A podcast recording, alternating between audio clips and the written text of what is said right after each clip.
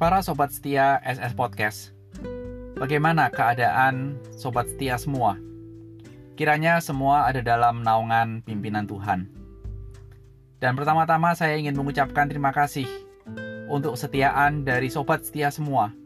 Sampai dengan episode yang sekarang ini masih tetap setia belajar bersama-sama kebenaran akan firman Tuhan.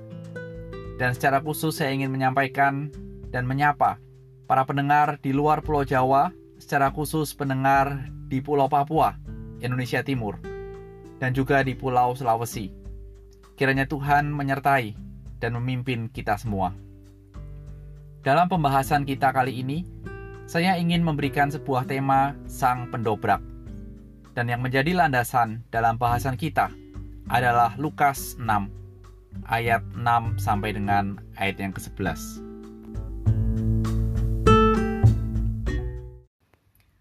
Pada suatu hari sabat lain, Yesus masuk ke rumah ibadat lalu mengajar. Di situ ada seorang yang mati tangan kanannya Ahli-ahli Taurat dan orang-orang Farisi mengamat-amati Yesus, kalau-kalau ia menyembuhkan orang pada hari Sabat, supaya mereka dapat alasan untuk mempersalahkan dia. Tetapi ia mengetahui pikiran mereka, lalu berkata kepada orang yang mati tangannya itu, "Bangunlah dan berdirilah di tengah."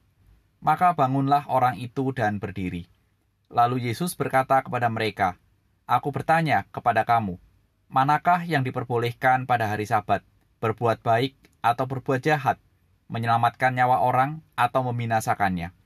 Sesudah itu ia memandang keliling kepada mereka semua, lalu berkata kepada orang sakit itu, Ulurkanlah tanganmu. Orang itu berbuat demikian dan sembuhlah tangannya. Maka meluaplah amarah mereka, lalu mereka berunding, apakah yang akan mereka lakukan terhadap Yesus. Sobat setia, Mari kita tunduk kepala, kita berdoa. Tuhan, biarlah firman-Mu sekali lagi memperbarui hidup kami dalam mengikut Engkau. Demi Kristus Tuhan, amin. Sobat setia, tema kita hari ini adalah Sang Pendobrak. Saya memakai istilah pendobrak yang memang mungkin terdengar keras dan kasar. Namun sering kali, dalam situasi yang buntu atau situasi yang sulit, kita atau orang-orang bertanya siapa yang mampu mendobrak situasi ini. Oleh karenanya, saya memilih kata pendobrak untuk menggambarkan sosok dari Tuhan Yesus yang muncul dalam Injil Lukas. Karena sejak cerita Lewi, Tuhan Yesus terus mendobrak tatanan tradisi dan konsep yang salah yang sudah dijalankan pada saat itu. Sekarang setelah Tuhan Yesus menyatakan dirinya sebagai Tuhan atas hari Sabat, Tuhan Yesus menjelaskan arti sabat yang sesungguhnya melalui cerita penyembuhan orang yang mati tangan kanannya. Dan pertama-tama, kita terlebih dahulu memahami apa arti sabat.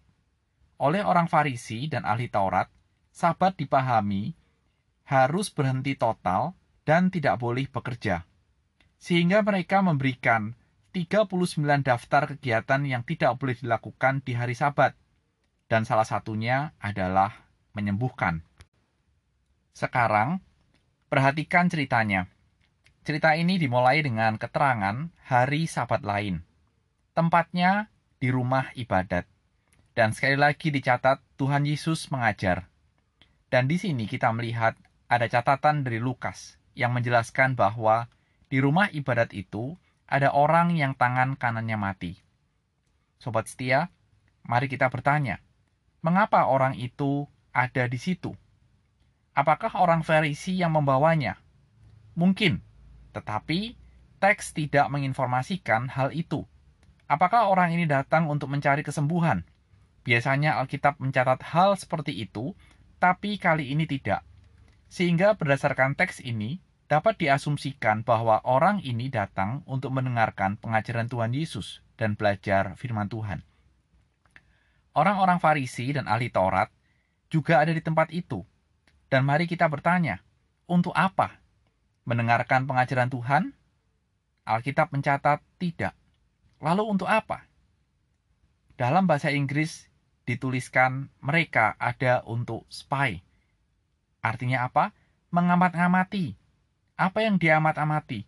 Dia mengamat-amati gerak-gerik Tuhan Yesus untuk mencari salahnya Tuhan Yesus. Namun Tuhan Yesus mengetahui pikiran mereka. Dan Tuhan tidak takut menghadapi situasi. Tuhan tidak gentar.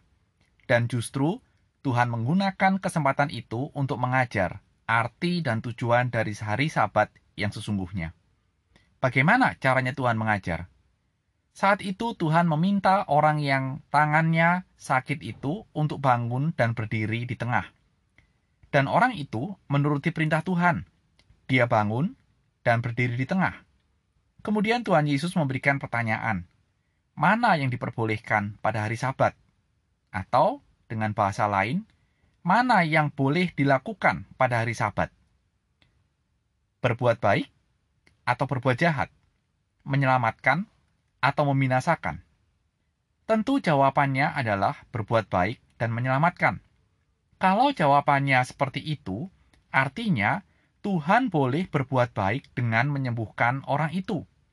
Dan bagi orang Farisi serta ahli Taurat, hal itu menjadi bumerang karena kontradiksi dengan ajaran mereka tentang Sabat, di mana mereka mengajarkan tidak boleh menyembuhkan.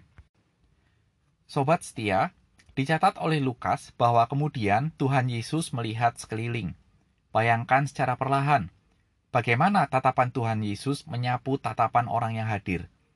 Dan tidak ada catatan respon terhadap pertanyaan Tuhan. Lalu Tuhan Yesus berkata, Ulurkan tanganmu. Perhatikan, Tuhan Yesus tidak menyentuh, tidak memeriksa, dan hanya berkata, ulurkan tanganmu. Dan ingat, berkata tidak dilarang pada hari Sabat. Hanya dengan berkata orang itu sembuh. Bukankah konsep ini persis sama dengan penciptaan? Hanya dengan berfirman, semuanya tercipta. Inilah Allah kita yang kita kenal di dalam nama Tuhan Yesus junjungan kita. Tapi yang menarik adalah bukan kesembuhannya. Di dalam akhir cerita ini, Lukas mencatat bahwa respon dari orang Farisi dan ahli Taurat marah, dan mereka berunding untuk memikirkan apa yang seharusnya dilakukan terhadap Yesus.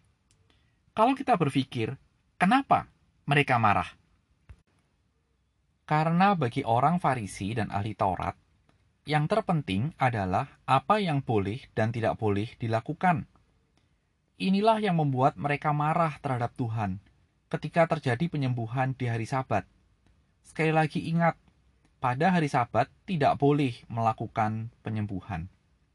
Tapi bagi Tuhan Yesus, arti yang sesungguhnya untuk Sabat adalah Sabat bukan sekedar hari untuk beristirahat dan berhenti dari pekerjaan, berhenti dari seluruh aktivitas.